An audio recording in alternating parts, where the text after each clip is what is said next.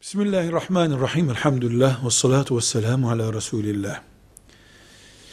Allah bazı işleri yapmayı yasaklamıştır. Bunlara günah diyoruz. Faiz, zina, kumar, hırsızlık, yalan, anneye babaya asi olmak. Bunları Allah yasak, yapmayacaksınız buyurmuştur bize. Bunları yapan haram işlemiş olur.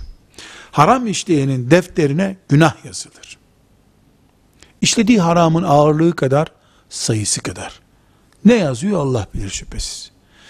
Eğer bir insan, mesela hırsızlık günahını işliyorsa, o günah işledi diye dinden çıkmaz. Yine Müslümandır. Ama, o günahı Allah'ın haram ettiğini reddederse, bu haramı kabul etmiyorum derse, haram değildir derse dinden çıkar. Demek ki dinden çıkaran Allah'a karşı suç işlemek, günah işlemek değil, o günahı Allah'ın haram ettiğini kabul etmemektir.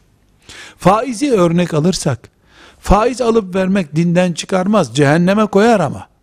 Cezasını çekmek üzere cehenneme koyar. Fakat faizsiz ekonomi olmaz.